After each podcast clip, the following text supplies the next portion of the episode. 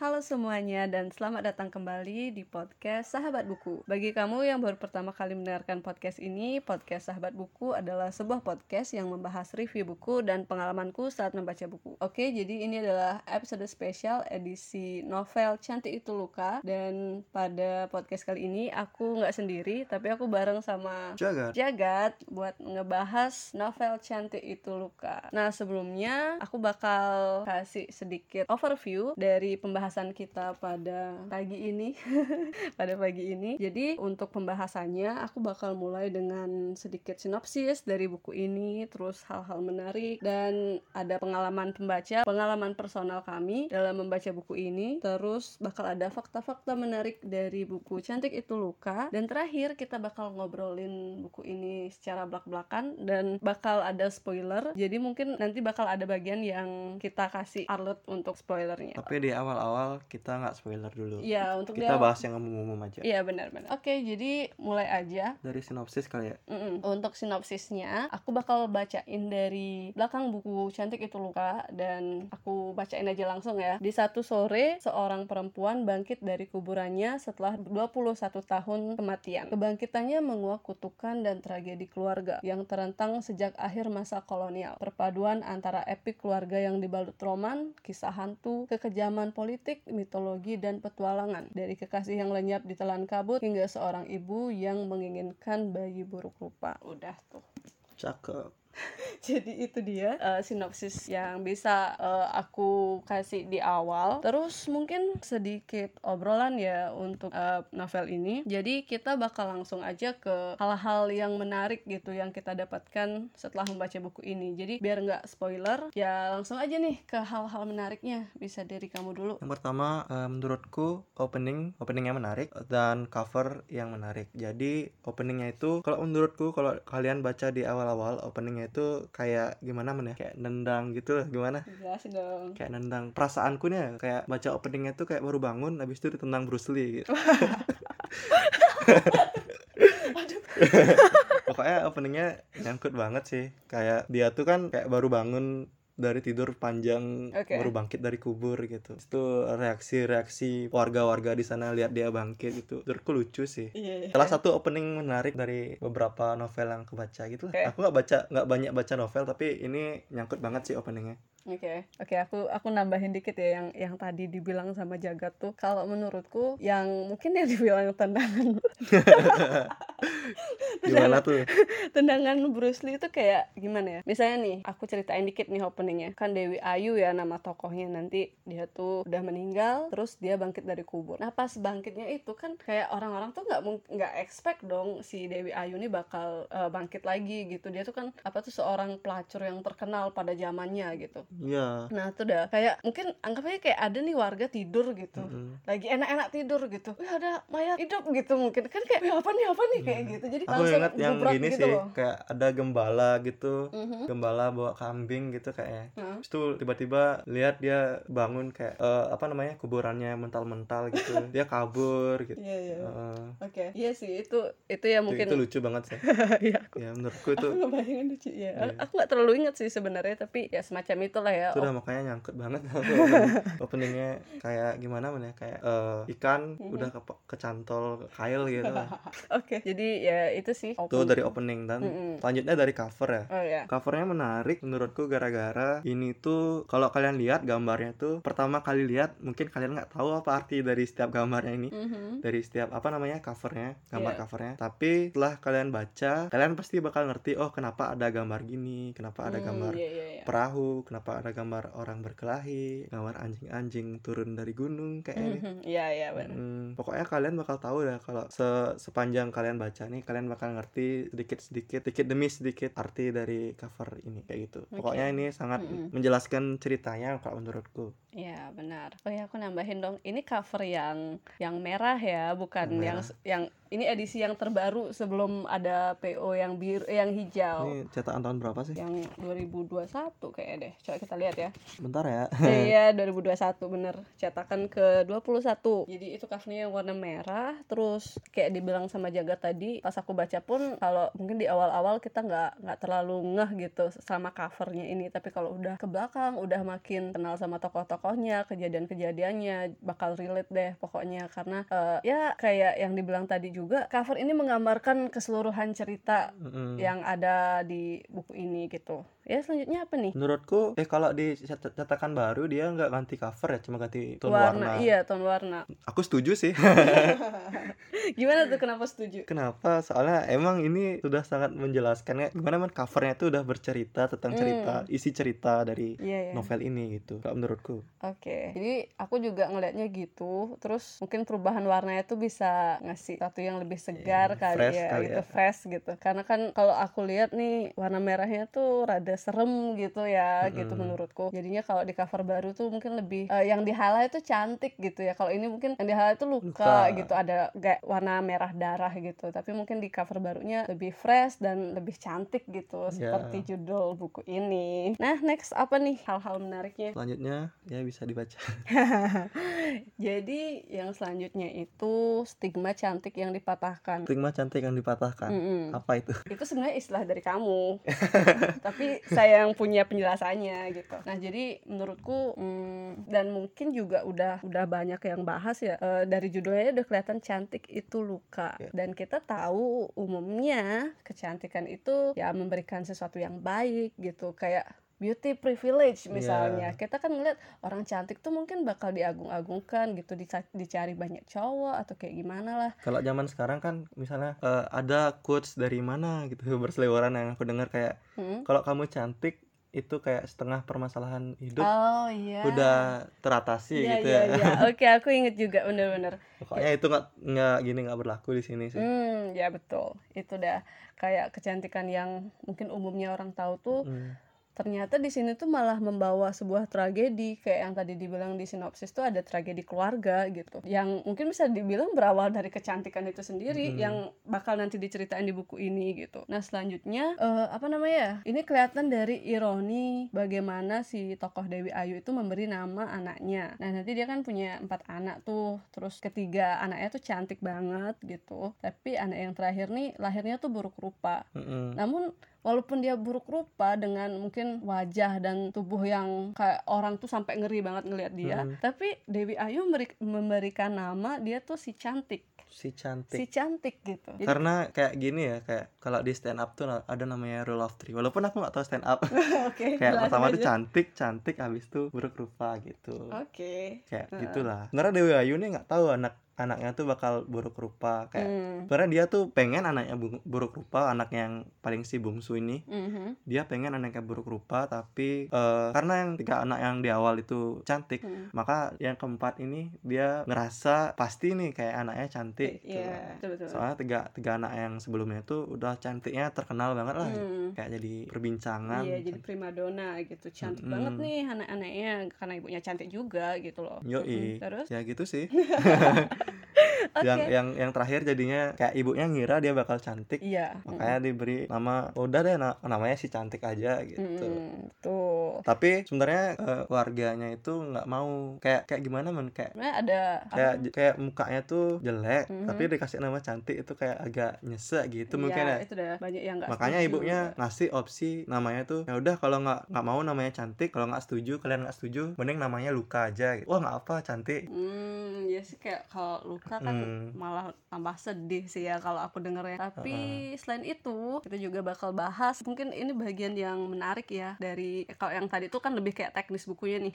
Terus kita bakal bahas pesan dan pelajaran dari buku ini sebelum Waduh. sebelum kita lanjut ke spoiler-spoilernya nanti kita bahas dulu nih apa aja sih yang bakal didapetin pembaca pas baca buku ini. cakep Apa nih? Yuk jelasin dong. menurutmu gimana pesan dan pelajarannya setelah baca buku ini Mungkin pesannya lebih kayak yang kayak tadi sih aku lebih lebih nge-highlight kalau kamu ngebahas kata cantik mungkin mikirnya bakal sesuatu yang baik-baik aja Mm-mm. tapi ternyata ada sesuatu yang lain loh yang bisa didapetin dari eh, novel ini gitu karena kecantikan tuh bisa membawa sesuatu yang buruk gitu dalam eh, kehidupan si tokoh-tokohnya nanti selain itu nah yang menariknya juga novel ini ngajakin kita buat lebih tahu sejarah walaupun dengan istilahnya Ya. apa ya kayak nggak nggak kayak di sekolah gitu loh kayak di sekolah tuh kan timelinenya langsung ini misalnya penjajahan Belanda kayak gini dijelasin tuh settingnya juga hal-hal sejarah penting. juga kan? iya uh, sejarah settingnya itu yang menurutku menarik apalagi Hmm. eh, apa namanya kayak nanti tuh bakal ada nama-nama tokoh-tokoh yang memang nyata adanya gitu loh tokoh-tokoh penting misalnya di kemerdekaan atau di penjajahan Jepang Hmm. kayak gitu jadi secara timeline bisa dibilang novel ini ada cerita di zaman Belanda terus ada zaman Jepangnya juga dan nanti bakal ada masa-masa kemerdekaan yang bakal seru banget gitu dan terakhir mungkin bisa dibilang zaman sekitar tahun 1965 sampai setelahnya lagi dikit gitu ya karena bakal ada sedikit eh, nyinggung masalah eh, tragedi 65 gitu ada lagi nggak Kalau aku sih eh, nambahin dikit. Kalau pelajaran menurutku kayak setelah kayak ini tuh gimana men ya? Percaya karma gitu sih. hmm ya Kalau apa apa yang kamu tanam itu yang kamu tuai. Kalau aku ya, ya. ya gitu sih. Pokoknya habis baca kamu bakal ngerti sih kenapa aku bilang gitu. Nah ya, emang gini ya, mungkin kita kasih sedikit gambaran ya kenapa kita nggak cerita berdasarkan eh, isi bukunya gitu. Karena nanti bakal ada sesi sendiri yang memang kita rencanakan. Eh, bisa dibilang buku ini bakal apa ya? Dibilang spoiler ya dari awal bakal diceritain eh, sebuah spoiler, tapi memang ada alasan-alasan di balik suatu kejadian itu gitu loh. Makanya kita nggak bisa secara eh, berurutan gitu nyeritain sehingga milih buat kita taruh ceritanya di belakang biar nggak spoiler ke teman-teman yang belum baca. Tapi tetap bisa eh, punya gambaran gitu gimana sih buku eh, Cantik Itu Luka ini menurut kami gitu Ya. sih. Heeh. Sebelum itu kayaknya kita udah eh, ngomongin kelebihannya, Mhm. nggak enak kalau ngomongin kekurangannya ya. Oke, jadi bisa dimulai saja. Kalau eh, menurutku sih eh, kayak apa namanya bukunya melelahkan buat dibaca sih. Mm-mm. Buat aku yang nggak sering baca buku, Oke. buat yang baru-baru baca buku gitu. Mhm. Tapi sebenarnya ceritanya menarik sih. Betul, betul banget. Kayak eh, lelahnya itu dibayar tuntas kalau Iya. misalnya kamu udah nyelesain buku yang ini. Wah, pokoknya gimana men ya? Seneng gitu loh. Iya Gimana? sih, iya. Ceritanya bagus soalnya. Setuju, setuju. kayak bagian-bagian yang melelahkan itu eh, kayak punya bagian penting buat ada di sana biar Oh. akhirnya tuh manis lah pokoknya akhirnya Ya, ya. bagus Oke. bagus Oke, jadi kalau jadi tahan-tahanin aja waktu Iya sih. waktu kamu merasa lelah itu kayak cobain cobain eh, apa namanya paksain baca paksain buat baca ya. buat ngabisin gitu. Mhm. Soalnya kalau pengalamanku tuh emang gimana men ya Kayak sekarang baca nih Tapi udah sampai bab berapa gitu eh, Stop baca lama Lama habis itu nggak baca Kayak ada dua minggu Tiga minggu gitu Hmm, karena memang melelahkan sih ya betul. Hmm, tapi lanjut lagi kayak sampai sampai habis Mhm. itu kayak ngerangkum semua isinya sih Ya betul. ya betul. kalau dari era gimana Hmm. aku aku dengar keluhan kamu nggak suka fontnya terlalu kecil katanya ya. gini nih apa ya mungkin memang aku nggak tahu sih eh, tapi ini pengalaman pembaca aja ya kalau yang nggak bermasalah sama font mungkin nggak relate gitu ya opini pribadi opini lah pribadi eh, eh. dan maaf ya untuk penerbit Gramet kita ngebahas ini karena memang dari pengalamanku juga eh, font kecil tuh ku cukup gimana ya membuat mata lelah gitu Nah, mungkin apalagi mungkin aku merasa lelah gara-gara fontnya kecil ya iya mungkin, semacam itu eh, eh. kita mungkin aku nggak sadar juga ada atau ada efek kayak gitu apalagi novelnya cukup tebal juga gitu tebal juga Mm-mm. Nah, relate sama yang tadi, sama pengalamannya Jagat. Eh, aku juga nganggap buku ini melelahkan karena satu, eh, aku pertamanya eh, ngelihat dan punya ekspektasi gitu ya. Kalau buku ini tuh bakal ngebahas mungkin tentang kecantikan perempuan atau ya sejenis itulah yang mungkin nyangkut ke kecantikan fisik, tapi mungkin dia terluka karena ada kecelakaan, mungkin semacam itu yang aku ekspektasikan. gitu nah gitu ya.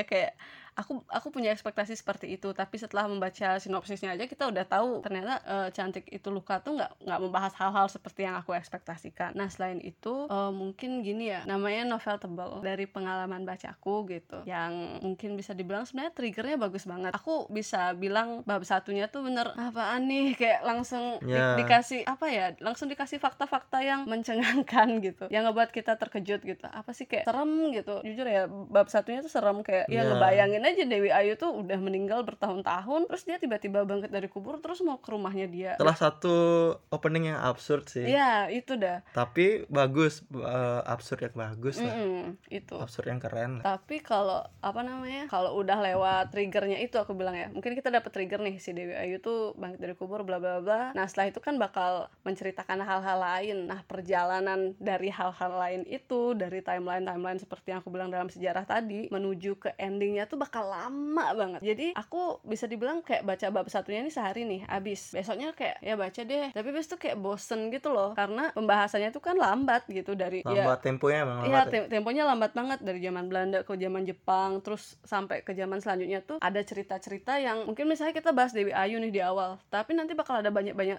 banyak tokoh-tokoh lain yang masih relate, cuma ya diceritainnya juga secara detail gitu, misalnya siapa gitu banget anaknya gitu, eh, anaknya. Nanti dia misalnya dia kan pelacur, gimana gimana ceritanya dia jadi pelacur kayak gitu. Jadi detail banget nih cerita dari eh, tokoh-tokoh yang ada di buku ini. Jadinya ya gitu lama dan juga karena bukunya tebal ya bakal butuh waktu sih untuk baca. Jadi Hmm. mungkin itu aja sih untuk tapi lelahnya bakal terbayar kalau ya udah habis. eh, eh, betul. Aku setuju sih yang itu. Karena aku pun eh, pas udah berapa bab ya? Lewat bab 12 13 itulah ya. Itu sehari bisa dua bab tiga bab deh bacanya. Jadinya dalam seminggu tuh habis lah. Cuma memang perjalanan dari bab satu ke pertengahan itulah yang mungkin bisa dibilang cukup lama gitu. Mungkin itu aja sih untuk kekurangan dan bukan kekurangan sih lebih kayak pengalaman pribadi Ya, kita aja gitu loh. kita kurang lah. Mm-mm. tapi mungkin masalah font kecil bakal di upgrade di cetakan selanjutnya kita nggak Iya, tahu. kita nggak tahu, kita lihat aja ya. dari teman-teman yang beli PO-nya gitu sih. tapi bukunya tetap mantap kok.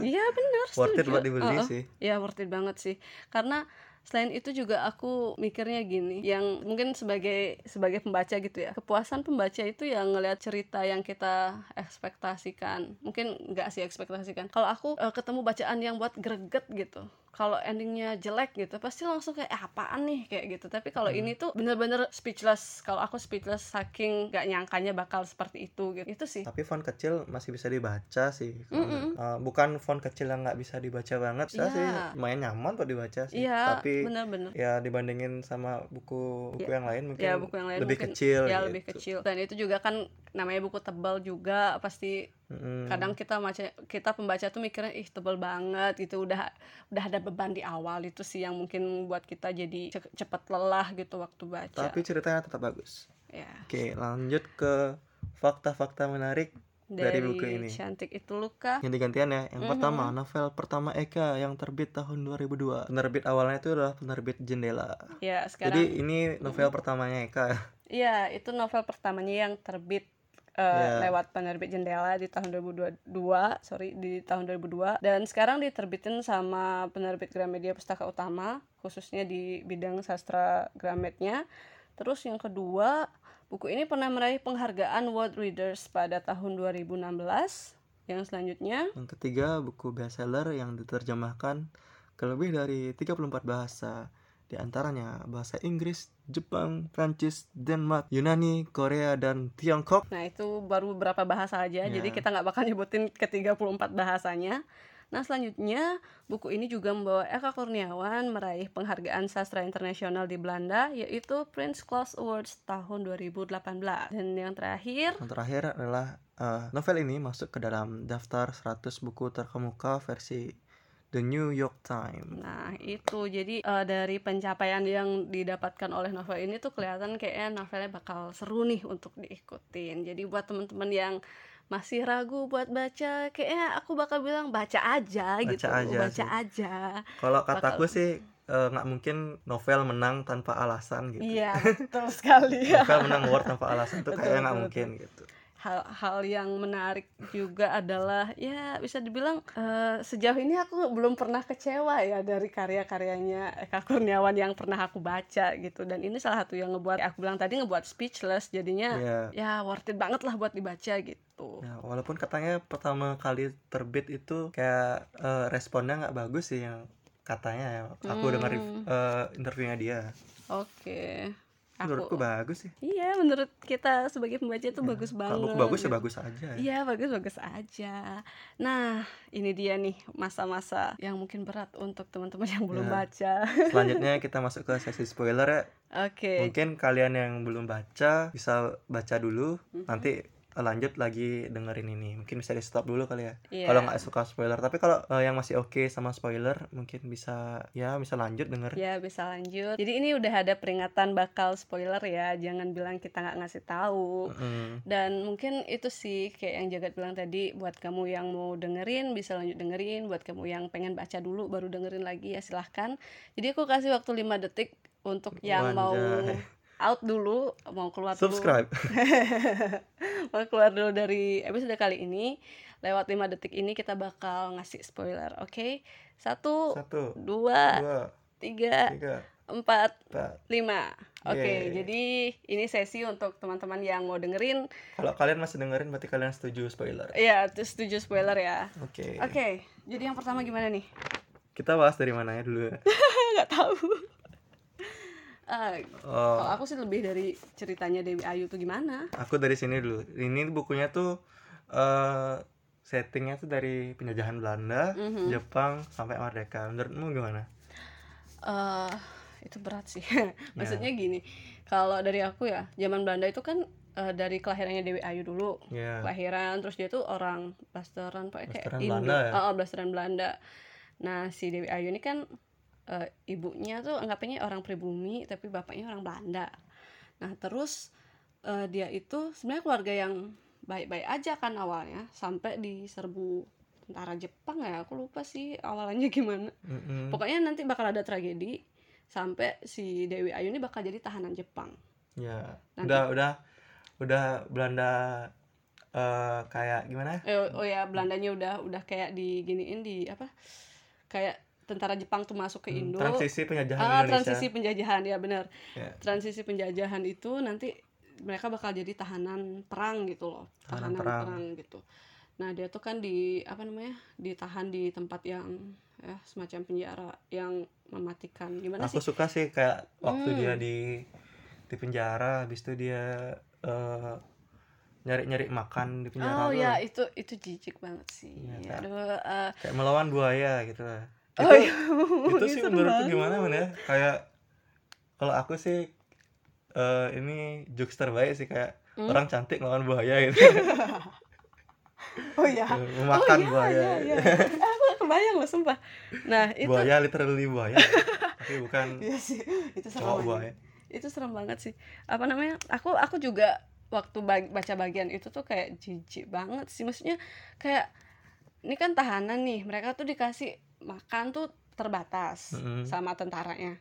Nah, si itu kan idenya Dewi Ayu nih untuk ke sungai Iya. kan bener waktu Dulu dia Ayu nih emang gini sih kayak orang gila sih gila gila tapi cerdas. Ya, dia tuh loh Kayak makan, makan- cincin terus di dikeluarin lewat kotoran terus dimakan lagi cincinnya untuk disembunyiin tapi jadi akhirnya kan hilang bersama tai tai iya itu oh my god sumpah aku kesel sih waktu baca itu nah it- itu itu kan waktu di apa di penjara terus dia berusaha makan dengan ada yang makan Mm-mm. serangga Mm-mm. ada yang makan demi mak- makan daging sih makan daging tapi bukan daging Iya. tikus sih Hmm, ya jujur mungkin sih. emang emang zaman itu mungkin gitu ya ya kayak itu itu kita pasukan nggak tahu sih. pasukan makan mungkin kurang gitu Mm-mm. mungkin Jadi mungkin menurutku Eka Kurniawan di sini pikirannya liar banget sih untuk menggambarkan ya ya sukses Perempuan- untuk menggambarkan iya perempuan-perempuan ke- tahanan yang gitu makan kayak ke disaster apa disaster ya? Ya ya ya disasteran di penjara sih kayak. Ya ya benar. Itu ya bagian itu mungkin buat teman-teman yang eh, apa udah baca juga pasti kayak ngerasain deh. Hmm. setidaknya di beberapa bagian tuh mungkin dari dia awalnya dari sana lah dia terus- jadi pelacur gitu ya? Mm-mm. Jadi kan tahanan dulu. Nah, abis itu aku lupa sih transisinya gimana. Intinya dia bakal dibawa ke tempatnya Mama Kalong. Mama Kalong nih mucikari, ya. mucikari Mucikari yang nantinya bakal ngerawat si dekil-dekil tahanan ini gitu. Mereka kan waktu jadi tahanan tuh nggak mandi, nggak nggak make up gitu, Mm-mm. kayak dekil banget gitu, kotor. Nah terus apa namanya? Oh, bakal dipilihin sih gini ya kak kan di penjara tuh habis itu tahanannya dipilih yang masih muda yang masih cantik. Oh ya untuk jadi pelacur di pelacuran mama kalau nah itu itu ada yang lucu menurutku. Apa tuh yang lucu tuh? Bukan lucu sih lebih kayak ada nih temennya Dewi Ayu aku lupa namanya siapa tapi dia tuh polos banget gitu. Dia tuh mikirnya nanti kita akan membantu tentara buat perang. Mm-mm. kita bakal jadi palang merah. Eh ya palang merah seingetku Iya. gitu kan. Pokoknya orang yang bantu eh, tentara yang terluka gitu. Keluguannya lucu ya ya, aja tuh lucu dan buat aku tuh gemes gitu. Eh, ntar dia bakal jadi pelacur tapi dia nggak tahu. Iya. dan di antara mereka tuh mungkin cuma Dewi Ayu yang dengan sadar dan dengan dengan ketenangannya menghadapi apa yang bakal menjadi takdir takdirnya dia gitu menurutku sih dia tahu ya tapi dia Mhm. berpikir positif gitu Ih, enggak dia tuh gitu sih lugu katanya maksudnya Heeh. aku aku nggak nggak ngasih tapi aku gitu sih ngerasa Heeh. kayak yang terakhir aku baca kayak gitu deh dia dia kayak menolak oh menolak menolak kenyataan uh, mungkin Oh, oke. kayak berpikir positif gitu sih ya ya, aku nggak ngasih agak lupa Mm-mm. tapi ya bagian itu tuh bener kayak buat aku mikir gitu nih orang nggak tahu atau gimana? Itu sih buat buat aku Mm. jadi kayak aduh kasihan banget gitu. Udah udah aku mulai membayangkan nah habis ini bakal diapain nih dia? Gitu. Terus selanjutnya dia bakal di, kayak didandanin tuh sama si mama kalong bakal jadi pelacur pelacur yang cantik dan ya seperti eh, tokoh gimana ya? Kayak di awal tuh kita bakal nyebutin Dewi Ayu. Dewi Ayu tuh bakal jadi tokoh yang pokoknya di sana eksklusif di gitu. sana lah terungkap cantik itu luka tuh kayak gimana esensi awal awalnya gitu. Mm-mm. jadi kayak kayaknya kita bakal ceritaannya loncat loncat ya nggak apa? Iya nggak apa-apa kan. Kita juga tidak tahu caranya biar biar apa namanya ya, aku kayak karena mungkin karena banyak juga sih isinya jadinya lebih yang penting kita kita ingat apa yang kita baca terus kita mungkin sharing itu gitu kayak fiksi sejarah pokoknya dari settingnya dari Hmm, zaman Belanda zaman Jepang sampai zaman kemerdekaan. Iya right. Habis itu fakta eh menurutmu yang menarik menurutmu apa lagi? Hmm, nah tuh kan tadi Dewi Ayu udah udah jadi pelacur tuh. Nah dia kan mungkin anggapannya dia bakal melakukan melakukan pekerjaannya dengan berbagai uh, tentara tentara yang uh, apa aku tuh ada ada sana. keyword sini kayak cinta dan nafsu gitu Oke, cinta dijelasin dan dulu. nafsu cinta ada banyak percintaan di sini menurutku Mhm. kayak cinta apa apa ada percintaan ya Eh, kayak Oh itu yang Iyang. Gendeng. Iya itu percintaan ya. Mak Iyang dan Mak Gedik tuh Hmm, itu sebenarnya kayak roots dari permasalahan ini sih sebenarnya right. itu cinta cinta Mak Iyang cinta yang sejati. Iya. tapi ada nafsu nafsunya juga Mhm. Ya dari. kayak cinta cinta keluarga juga menurutku Iya sih bener.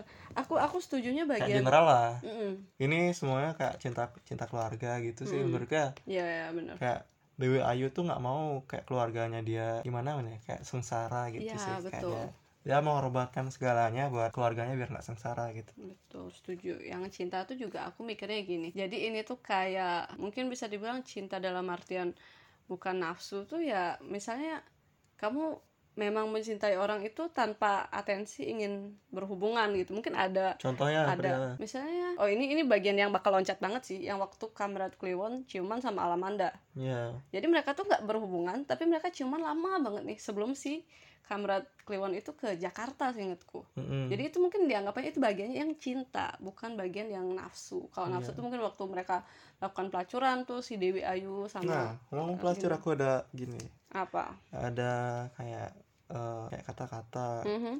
highlight lah Highlight, uh-uh. aku highlight cinta pelacur dan pelacur cinta Oke, jelasin. cinta pelacur ya Dewi Ayu Oh, kecantikannya disukain banyak orang. Ah tuh itu yang pertama yang Hmm. kedua tuh kayak siapa namanya yang pacarnya Dewi Ayu tuh kayak Oh, pelanggan pelanggan Ya, setia ya, dia Maman Gendeng. Maman. Gendeng Ya, gitu. semacam itulah. kamu juga bisa cinta sama pelacur gitu Oh iya. Oh ya, cerita tentang Maman Gendeng ini seru banget sebenarnya. Apalagi dia nantinya kan nikah sama anak Hmm. Dewi Ayu tuh. Mm-mm. Jadi ya itu Nih. nanti kita ceritain sih. Ada yang masih gini nggak relate sama yang pelacuran dulu sebelum kita lanjut ke anak-anaknya Dewi Hmm, Ayu. selanjutnya ada pelacur cinta Maman gendeng sih ini kayaknya Oke. pelacur cinta tuh kayak gimana men Dia tuh bela- Maman Maman gendeng mencari cinta Iya. Dia tuh kayak bela-belain kan Dewi Ayu tuh eksklusif nih dia sebelum kayak- Dewi Ayu juga dia nyari cinta sama siapa tokoh Oh ya, aku lupa yang itu sih. Heeh. Heeh, Ya ya ya, oke. yang yang nikah sama anjing ternyata tuh oh legendanya itu ya. Oh, oh, iya legenda- iya. legendanya tuh. aku lupa namanya tapi itu udah Putri Rengganis si Mm-mm. cantik. Ah ya Putri Rengganis sorry. Tirenganis Ah, ah, Putri Putri Rengganis itu nanti bakal itu udah kayak diceritain si si, Man, si Maman Gendang ini kan eh apa namanya kayak mencari cinta sejati gitu. Hmm, cari mencari cinta. cinta ya. Kayak pelacur cinta. Mencari cinta. Terus banyak orang bilang eh, Putri Rengganis nih yang paling cantik gitu. Kayak dia tuh pengen nih ngelamar si Putri ini. T- tapi ternyata si Putri itu udah meninggal beratus-ratus tahun yang lalu dan itu gitu. ternyata ceritanya legenda. Ya legenda.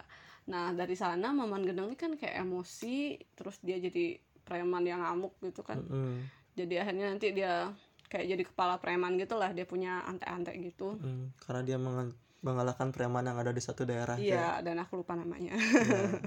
Terus, nah pas itu si apa namanya? Itu udah dibilang eh, di tempat itu ada pelacur yang cantik banget gitu si Dewi Ayu. Akhirnya Hmm. ntar dia eh, apa tuh pengen main lah sama Dewi Ayu gitu. Terus akhirnya kayak dia tuh kayak ke apa ya istilahnya apa sih? Kayak ke keterusan gitu. kayak pacaran Ya jadi pacaran lah dia sama si Dewi Ayu karena ini. Dewi Ayu ini pelacur kayak Mm-mm. semua orang pengen tidur sama Dewi Ayu di satu Iya. gini ya, satu daerahnya itu ya Ya, sampai akhirnya nanti dia tuh mengultimatum pada orang-orang kalau nggak ada yang boleh tidur sama Dewi Ayu selain aku gitu. Mm.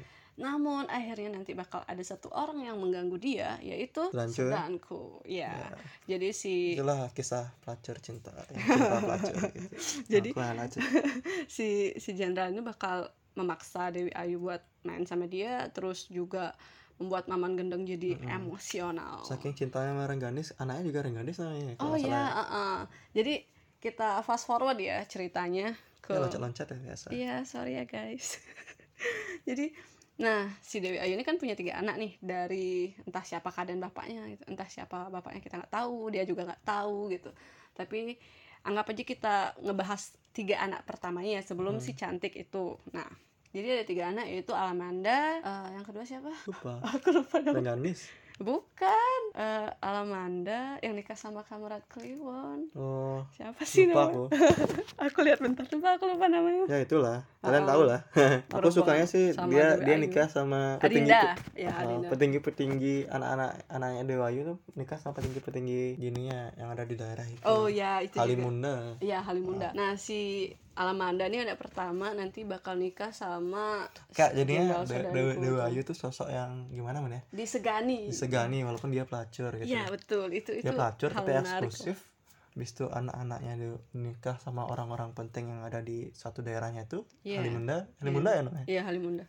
Tuh sih kayak dia tuh kayak pelacur tuh biasanya kan gini apa namanya?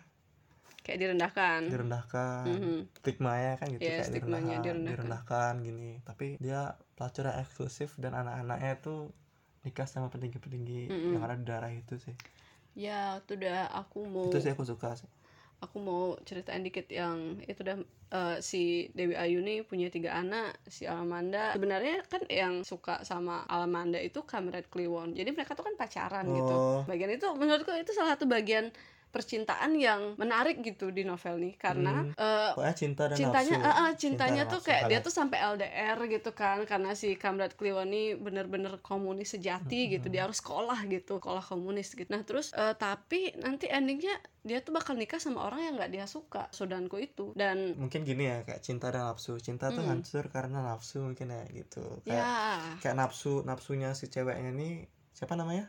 Adi Alamanda. Alamanda nafsu kayak cin- cintanya Alamanda Mm. hancur gara-gara nafsunya dia masih kayak ingin menjadi orang yang apa namanya Hmm. menghancurkan hati para lelaki gitu loh oh iya Alamanda itu suka masih ego ya ya ya benar-benar ego namanya itu apa ya aku aku nganggapnya ego sih soalnya dia na- nafsunya dia masih Oh. jadi eh, buaya Oh ya dia jadi playgirl lah gitu. Dia tuh suka memainkan laki-laki, tapi di sisi lain sebenarnya dia suka banget nih sama si sus- suka mempermainkan laki-laki Mm, suka kan. mempermainkan laki-laki dan lari ulur gitu Ah, ah, benar. Nah, itu itu juga yang ngebuat si siapa namanya? Saudaranya tuh juga ngejar-ngejar dia banget kan di ceritanya nih. Terus Hmm, emang cantik sih cantik dan juga mungkin karena anggapannya dia tuh nggak bisa dapetin Dewi Ayu, dapat anaknya gitu. Setelah dia Hmm. pokoknya ada pertemuan lah si Saudaranya ini akhirnya jatuh cinta sama Alamanda emang gitu. dia jatuh cinta sama Alamanda iya aku bukan lupa sama Dewi Ayu yang pertama kali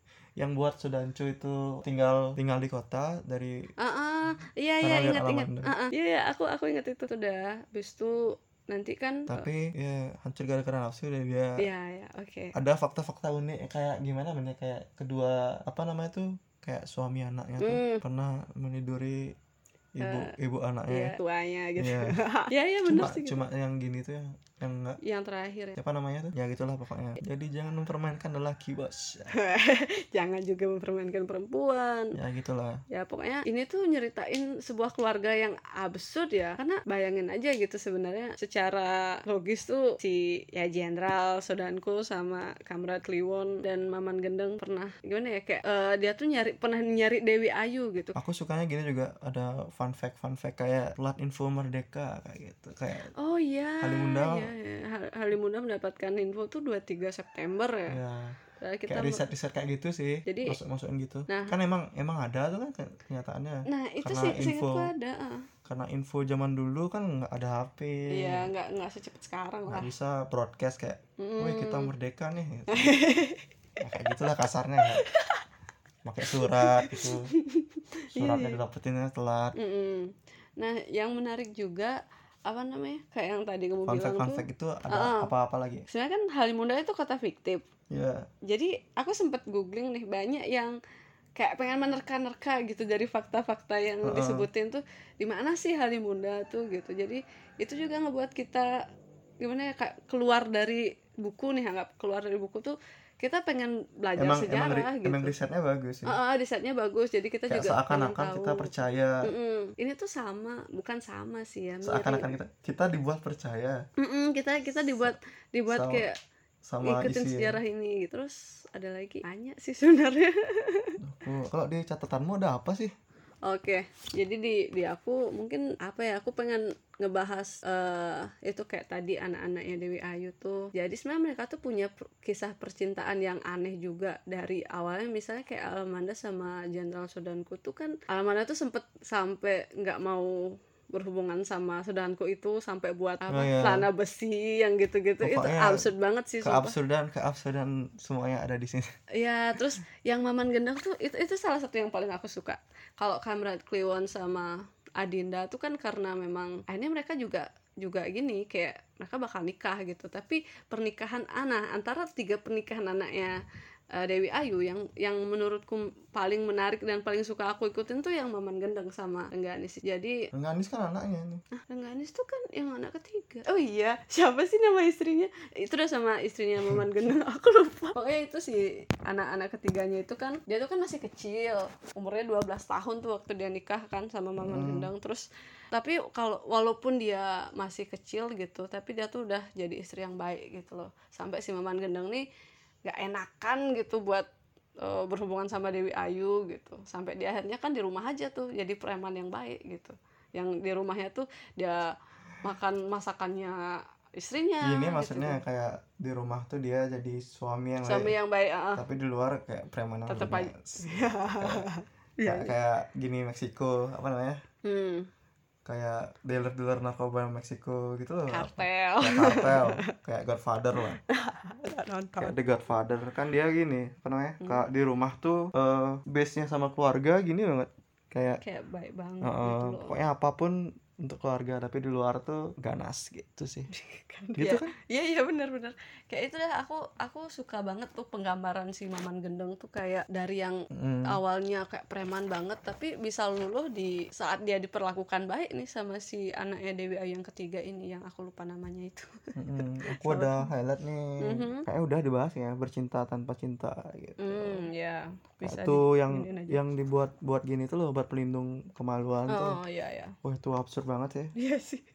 Aku nggak kebayang. Oh Nur Nurul Aini. Nurul Aini tuh anaknya Alamanda. Oh ya nih.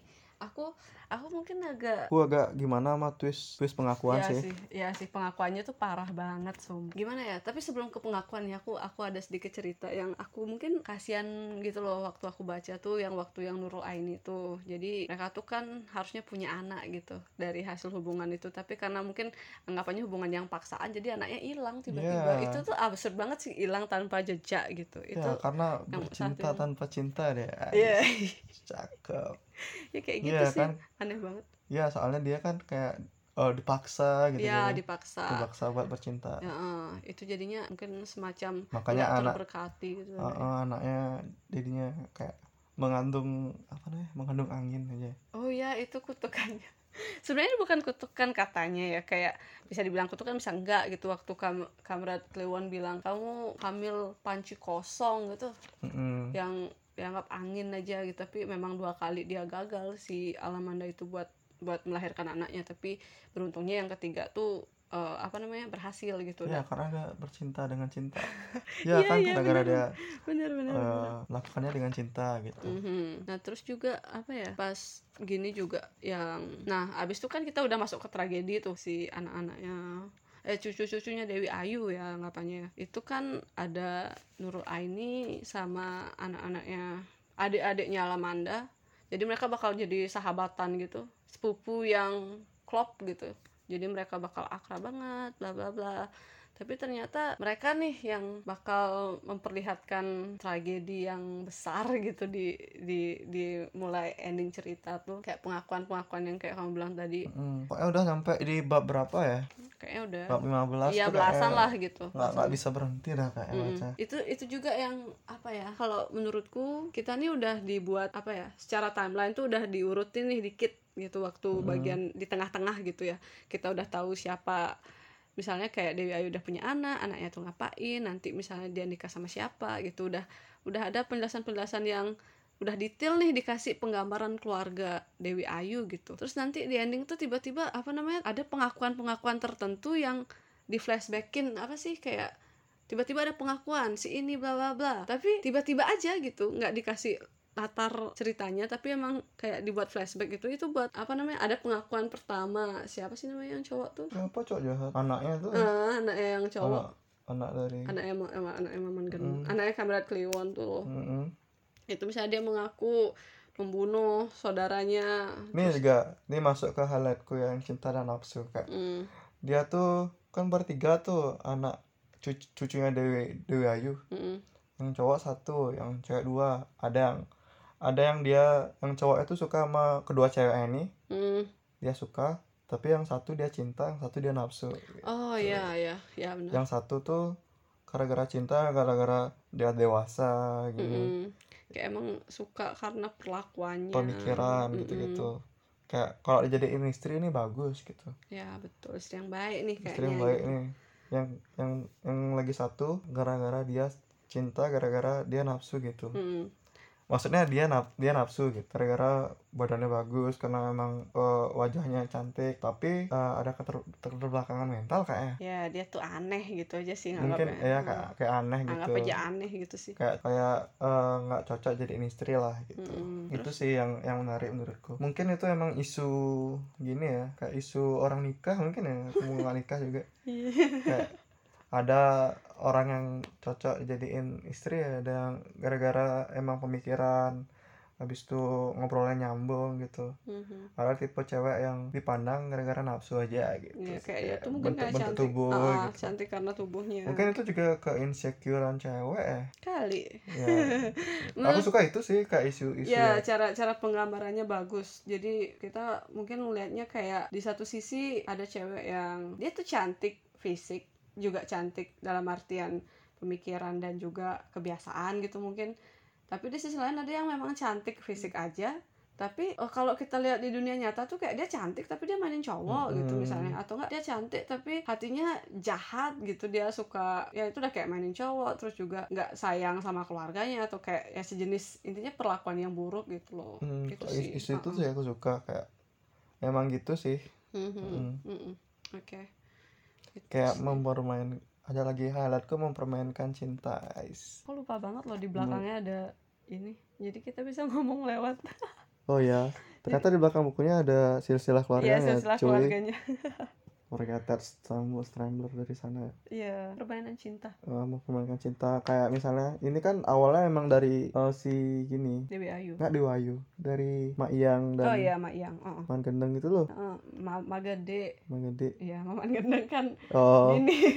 yang cewek siapa Mak Yang. Mak Iyang tuh kan di di peristri nggak peristri sih apa namanya di peristri sih Ya, apa ah, sih simpanan. Eh bukan ya simpanan. gitu Ya, loh istri-istri kesekian gitu loh, aku lupa namanya. buat orang Belandanya itu kan kayak mempermainkan cinta lah. Mm-mm.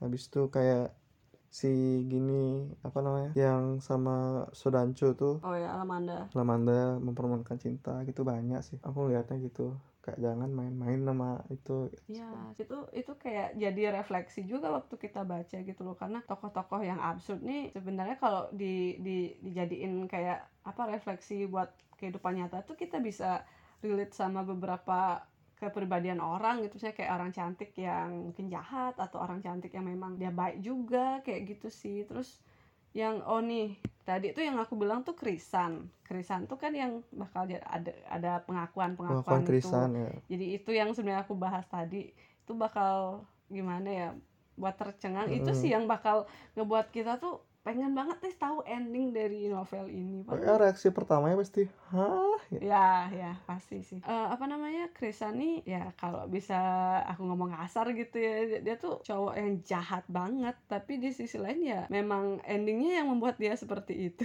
Maksudnya apa tragedi yang terjadi tuh ada alasannya gitu loh. Jadinya si Krisan tuh bakal ngelakuin hal-hal yang ya seperti yang ada di pengakuannya gitu yang membuat kita tuh sebagai pembaca yang dikasih flashback gitu ya. Cuma dikasih pengakuan ini habis itu diceritain dari awal kayak nggak bakal bisa berhenti baca gitu loh. Itu sih dari Mm, aku. Ya sih dari sana sih satu satu part yang epic sih pengakuan Krisan tuh. Ya benar.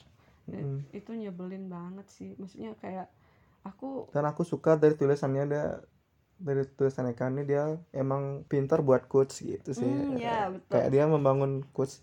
Pokoknya kamu bakal tahu ini tuh quotes gitu. Ya aku Tapi quotesnya bagus jadinya gara-gara dia ngebangun ngebangun quotesnya tuh gitu. Mm, aku setuju tuh yang bagian itu karena nah quotesnya ini kan anggap aja kalau aku bilang ya berasal dari pengakuannya Krisan tuh triggernya. Jadi yang mana ya? yang waktu dia ini suka sama eh, Nurul Aini sama aku lupa ini. quotesnya gimana pokoknya kalian pasti tahu itu tuh quotes Heeh, yang paling yang paling belakang nanti kita bacain aja. Tapi maksudku, aku ba- aku bakal ceritain dikit yang bagian pengakuannya itu karena itu udah kayak yang aku bilang tadi itu yang jadi trigger buat ngabisin novelnya dan bahkan di bab terakhir kita bakal dikasih kejutan dari kejutan maksudnya ya pengakuan Krisan tuh udah kejutan nih tapi ada yang bakal jadi kejutan paling epic gitu loh yang di di, di emang bapak pak terakhir gitu. akhir tuh udah dar der dor Iya udah udah kayak diserang gitu loh otakmu. Heeh.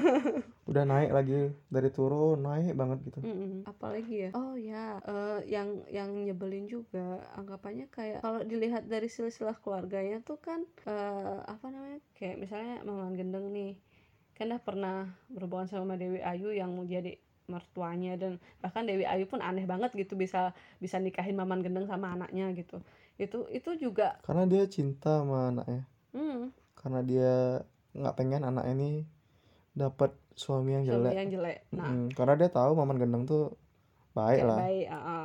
terus itu malah jadi gini juga kayak apa namanya? Itu kan aku anggap kayak keabsurdan dari Dewi Ayunya langsung. Mm-mm. Dua, Dua Ayu kan emang karakter yang ya absurd sih. karakter yang absurd. Itu juga terjadi sama Pintar juga. keturunannya dia ah, ah. jadi cara penggambaran tuh kayak Krisan ini jadi bak- bakal bakal sama Rengganis tuh aneh gitu. Maksudnya kayak dia tuh suka sama Rengganis si cantik tapi juga cinta sama Nurul Aini gitu jadi dari dari keturunan pun bakal aneh juga bakal absurd juga gitu dan bahkan nantinya dia sama si cantik gitu yang kita Mm. taunya dia buruk rupa dan tidak ya you know nggak Ya. nggak cantik gitu dan itu sih yang paling eh, nyebelin sih kalau menurutku tapi oke bagus gitu. Kayak aku aku dibuat nggak nggak tahu harus bilang apa gitu. Kayak aku mikir juga gini kayak eh, jangan mandang eh, isunya tuh kayak jangan mandang fisik gitu. Hmm. kayak misalnya sekarang kan kalau zaman sekarang misalnya eh, mau daftar kerja nih minimal berpen- berpenampilan menarik gitu. Hmm, nah itu sih Heeh.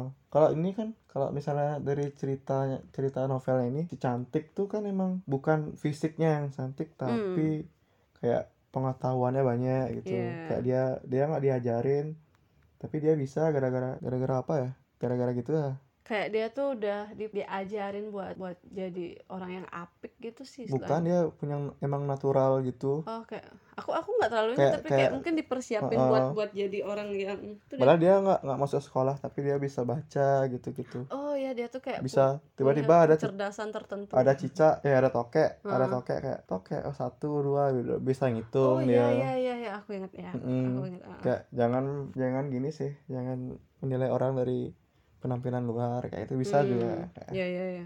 Dia tuh kayak punya kecerdasan yang natural gitu loh. oh, Dan itu yang ya bisa dibilang mungkin itu istilah cantik yang nggak nggak nggak nggak dari fisiknya gitu. Terus mungkin mungkin itu cocok makanya namain cantik takdirnya namanya Iya, cantik gitu. takdirnya namanya cantik, jadi nggak nggak nggak gimana ya, nggak fisik aja. Kalau aku sebenarnya karena fokus ke Dewi Ayu dan eh, timeline timelinenya itu kayak jadi, dia dia giniin stigma sih kayaknya menurutku Mhm. kayak misalnya orang tuh eh, ngelihat dari penampilan misalnya karena kan kayak si cantik tuh Hmm. kayak orang-orang nggak terima namanya cantik tapi sebenarnya dia tuh pinter gitu kayak berbakat gitu ya, kayak tapi- mematahkan stigma gitu sih itu udah mungkin kalau aku nyambung sama yang tadi itu lebih lebih yang aku bilang di awal yang tentang bertolak belakang tuh. Jadi ada banyak part ya kali ya yang ngebahas tuh kayak misalnya bertolak belakang kayak Dewi Ayu tuh pengen anaknya tuh dapat yang yang bagus-bagus gitu ya. Kayak kayak tadi misalnya Maya Dewi di gini intinya tuh kayak Dewa Ayu tuh udah tahu nih keluarganya bakal kena kutukan Hmm. makanya anaknya nggak dikasih sama gini sama Dewi Ayu. Iya. kayak biar biar dia aja yang nanggung gitu. Iya kayak perlakuannya dia tuh nggak nggak se mungkin kayak orang tuh mikir kan pelacur nih nggak mungkin harusnya nggak punya anak gitu. Tapi dia tuh baik sama anaknya. Kayak eh, dia tuh mengorbankan diri sih menurutku ya. Kayak dia tuh mengor- mengorbankan Ya, diri kan aku karena bilang gitu di awal. Hah? kan aku bilang gitu juga ya itu dah maksudnya. Kayak aku setuju sama bagian itu. Jadinya kayak dia mengorbankan diri dan ya anak-anaknya bisa hidup dengan baik sebelum tragedi paling epicnya terjadi. Kayak susah sih kalau kita ceritain. Kalau aku kalau aku nih ya. Kayak quotes yang bagus tuh contohnya gini sih kalau kalau aku ya. Hmm. mungkin ini bukan quotes kayak cantik cantik itu luka gitu misalnya. Dia punya kata-kata cantik itu luka. Mhm. terus dia ngebikinnya tuh nih ada nih si cantik nih baru lahir. Wajahnya emang udah kayak babi dong ya kayak colokan nih hitam kayak eh, pantat panci gitu. Mhm. aku gak mau tahu pokoknya namanya cantik. Orang-orang nggak terima. Oh ka- kalau kayak gitu luka. Kayak itu kan cantik itu luka gitu loh. Kayak Kayak- dia nge-present itu tuh aku suka sih. Aku lebih ini sih yang yang quotes yang di halaman terakhir. banyak pokoknya. Kamu bakal tahu itu tuh quotes gitu loh. Kayak gimana udah? Ya, ya ya. gitu lah. Udah udah dipersiapkan dengan baik Ya, gitu. kalau menurutku tuh mungkin semacam quotesnya udah ada tapi dibuat dalam bentuk cerita gitu. Heeh, kayak dia nge-present misalnya dia punya kata apa Hmm. habis itu kayak ngebangunnya tuh aku suka gitu. Mungkin yang paling epic dari yang dari quotesnya itu mungkin yang quotes terakhir ya yang di pengakuan keempat sebab cantik itu luka. Sebab cantik itu luka tuh maknanya banyak tapi kalau kita nggak baca Mm-mm. bisa kita maknain apa aja tapi kalau kita udah tahu konteksnya itu bakal epic sih. Iya, kayak anjir bagus nih gitu. Ya kayak kemarin tuh kan sempat ada kasus di di Twitter oh masalah ini ya. iya. Iya tentang apa katanya dibilang eh, ada orang nge-tweet yang jangan jangan temenin Eka gitu. Iya kayak jauhin penulis di- ini dianggap merendahkan Oh, perempuan dan perempuan pelacur hmm, semacam itulah. Makanya baca bangsat. Kasar banget. Sorry sorry nih tapi emang dia tuh gimana men ya kayak sebenarnya maksudnya itu nggak gitu maksudnya isi bukunya baik kok Iya. gitu loh. kayak banyak pelajaran yang bisa diambil gitu gitu Ya benar, aku setuju sih bagian itu. Kita ngelihat itu udah kayak aku bilang kita melihat sesuatu yang bertolak belakang kayak misalnya cantik, kita taunya cantik itu yang bagus-bagus aja, tapi kan bisa bisa ada yang hal lain gitu. Kita Mm-mm. ngelihat dari sudut pandang yang berbeda. Itu pun yang terjadi sama kayak tadi kamu bilang nih misalnya Dewi Ayu tuh pelacur, tapi dia nanti anaknya tuh nikah sama petinggi-petinggi Halimunda loh gitu yang yang kalau mereka perang tuh bakal berat nih urusannya kayak gitu. Hmm, Jadi itu pun kayak ada muatan politik juga sih sini. Oh ya. kalau aku sih Heeh. kayak ngelihatnya misalnya kayak perang perang apa namanya yang kaum Sudancu sama kaum Maman Gendeng. Padahal dia tuh Ya. sebenarnya nggak gini kayak main main apa main catur main apa ya? Aku aku lupa. Iya main catur kayak Mm, apa an- main apa gitu. anak buah anak buahnya tuh perang tapi dia menyelesaikannya di meja. Hmm. Gitu kayak itu muatan politik yang bagus sih. ya benar. Mungkin apa Pokoknya semuanya bisa diselesaikan dengan kekeluargaan. Ya. Karena dia satu keluarga. Selain itu bangsat sih itu. Dan- blowing pokoknya. Apa namanya? Itu udah kayak misalnya hal-hal bertolak belakang yang aku dapat lagi. Yang tuh udah lihat eh, saudarku sama siapa namanya maman gendong tuh. Dari mereka musuhan mau bacok-bacokan nih tapi nggak jadi. Terus mereka akhirnya sahabatan gara-gara Hmm. punya masalah dengan maksudnya Karena anak mereka bermasalah Ya, akhirnya kayak- mereka saling curhat kayak gitu. Itulah kayak muatan politiknya juga sana. Itu namanya politik apa enggak sih tapi aku suka. Dia tuh bersatu gara-gara punya keresahan yang sama ya punya gitu. keresahan yang sama. Bagus sih. Mhm. kayak satu novelnya banyak isu sih tapi Iya, kalau bisa kita bedah dalam artian dari awal sampai ending terus kita omongin macem-macem ya satu jam ya nggak bakal kelar sih. Hmm. Udah sih, udah sejam lebih nih. Oh, yang paling spoiler sih gara-gara ini tuh kutukan Iya, ini tuh kutukan. ini tuh kutukan dari Mak Iyang, Mak Iyang yang kekasihnya siapa namanya kekasihnya Mak Gede. Mak Gede di Eh kebalik, Mak eh, Mak Gedik yang ngutuk karena Mak Iyang diambil sama eh, itu si orang Belanda itu. Orang Belanda. Heeh. dan kenapa Dewi Ayu mau nikahin siapa namanya Mak Gede Heeh, Mak Gede. Karena dia juga karena dia tahu itu tuh bakal gini itu tuh bakal kena kutukan. kena karma Kena karma, Gitu ya. lah. makanya aku bilang di awal pelajaran paling penting percaya sih. karma gitu Hmm, jadi ya itu sih Hmm. obrolan tentang cantik itu luka Oh, aku banyak lupa karena banyak banget gimana ya ironinya sih karena mungkin bukan Dewi Ayu yang yang berbuat tapi bapaknya tapi anaknya yang nanggung gitu iya ya ya ya oke itulah itu juga karma pelajaran itulah karma kayak hati-hati berbuat bos Ya. kamu Galak. punya utang nih Galak. kalau kamu mati anakmu yang ba- bakal bayar ya utangmu gitu. betul betul jadi mungkin sampai berapa keturunan gitu kayak Mm-mm. anak-anaknya kan ju- juga ya Ini, uh-uh, hancur gara-gara karma, karma yang bapaknya. uh-uh, yang udah terjadi sama keluarga sebelumnya gitu Iya. sama keturunan eh sama uh, moyangnya mungkin Hmm. kakeknya neneknya gitu. Menurutku kerangka ceritanya bagus tapi tengah-tengahnya absurd isinya gitu ya. Ya kayak yang apa tuh yang buat bisa dibilang capek tuh ya salah satunya kayak alurnya maju mundur tokohnya banyak kisah-kisahnya juga panjang-panjang belum lagi fontnya maafkan tapi ya begitu. Ya itu aja sih yang jadi highlight buat novel ini karena ya itu yang paling spoiler sih. ya itu yang paling spoiler karena Heeh. kalau kita ceritain panjang lebarnya aku juga boleh jujur banyak lupa gitu Hmm. nama tokohnya kalau seandainya aja begininya Ma, Ma Iyang sama Ma Gedik jadi nikah ini ceritanya bakal selesai cepet gak ada cerita. Tapi ya gitu sih. Kayak apa ya menurutku emang Eka berhasil banget sih buat novel yang ya ya kalau aku nih jadi pembacanya dia yang baru aja nyelesain novel ini setelah waktu sempet ya sempet vakum gitu. Karena capek karena sempet bosen juga.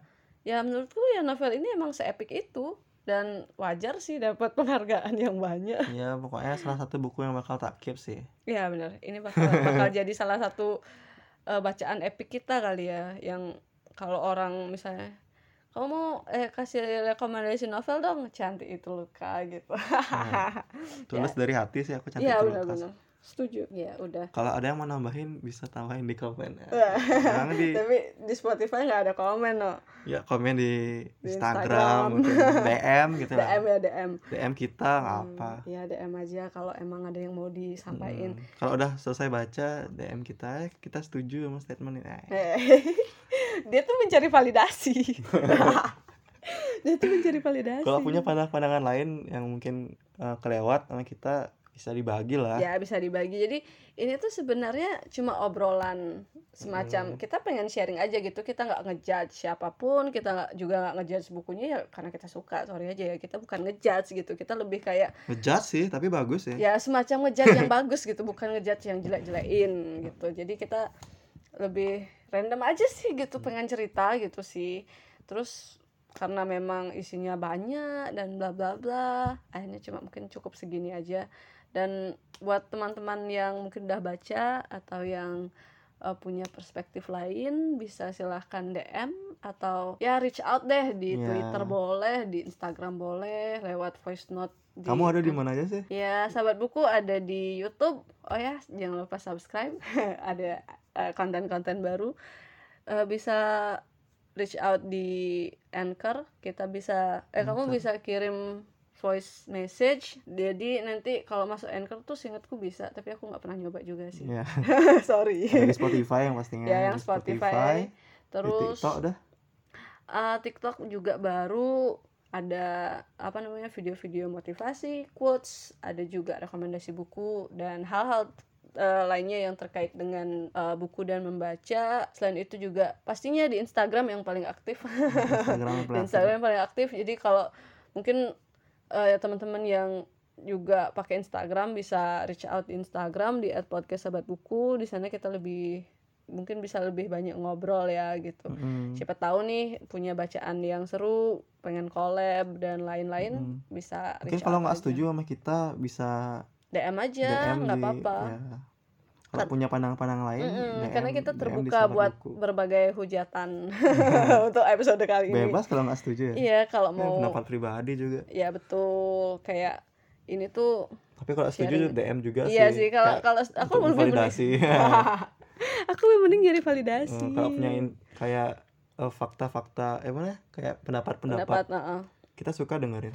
Ya betul. Jadi itu tuh kayak nambah warna Hmm, pembaca nambah, nambah eh, pengalaman kita eh, pengalaman membaca kita nambah aja pendalaman gitu loh. kita gitu Oke, jadi segitu aja. Terima kasih yang sudah mendengarkan sampai eh, menit ke berapa ini? Sudah satu jam lebih lah gitu. Makasih banget udah yang buat yang udah dengerin dan sampai jumpa di episode selanjutnya. sarang yuk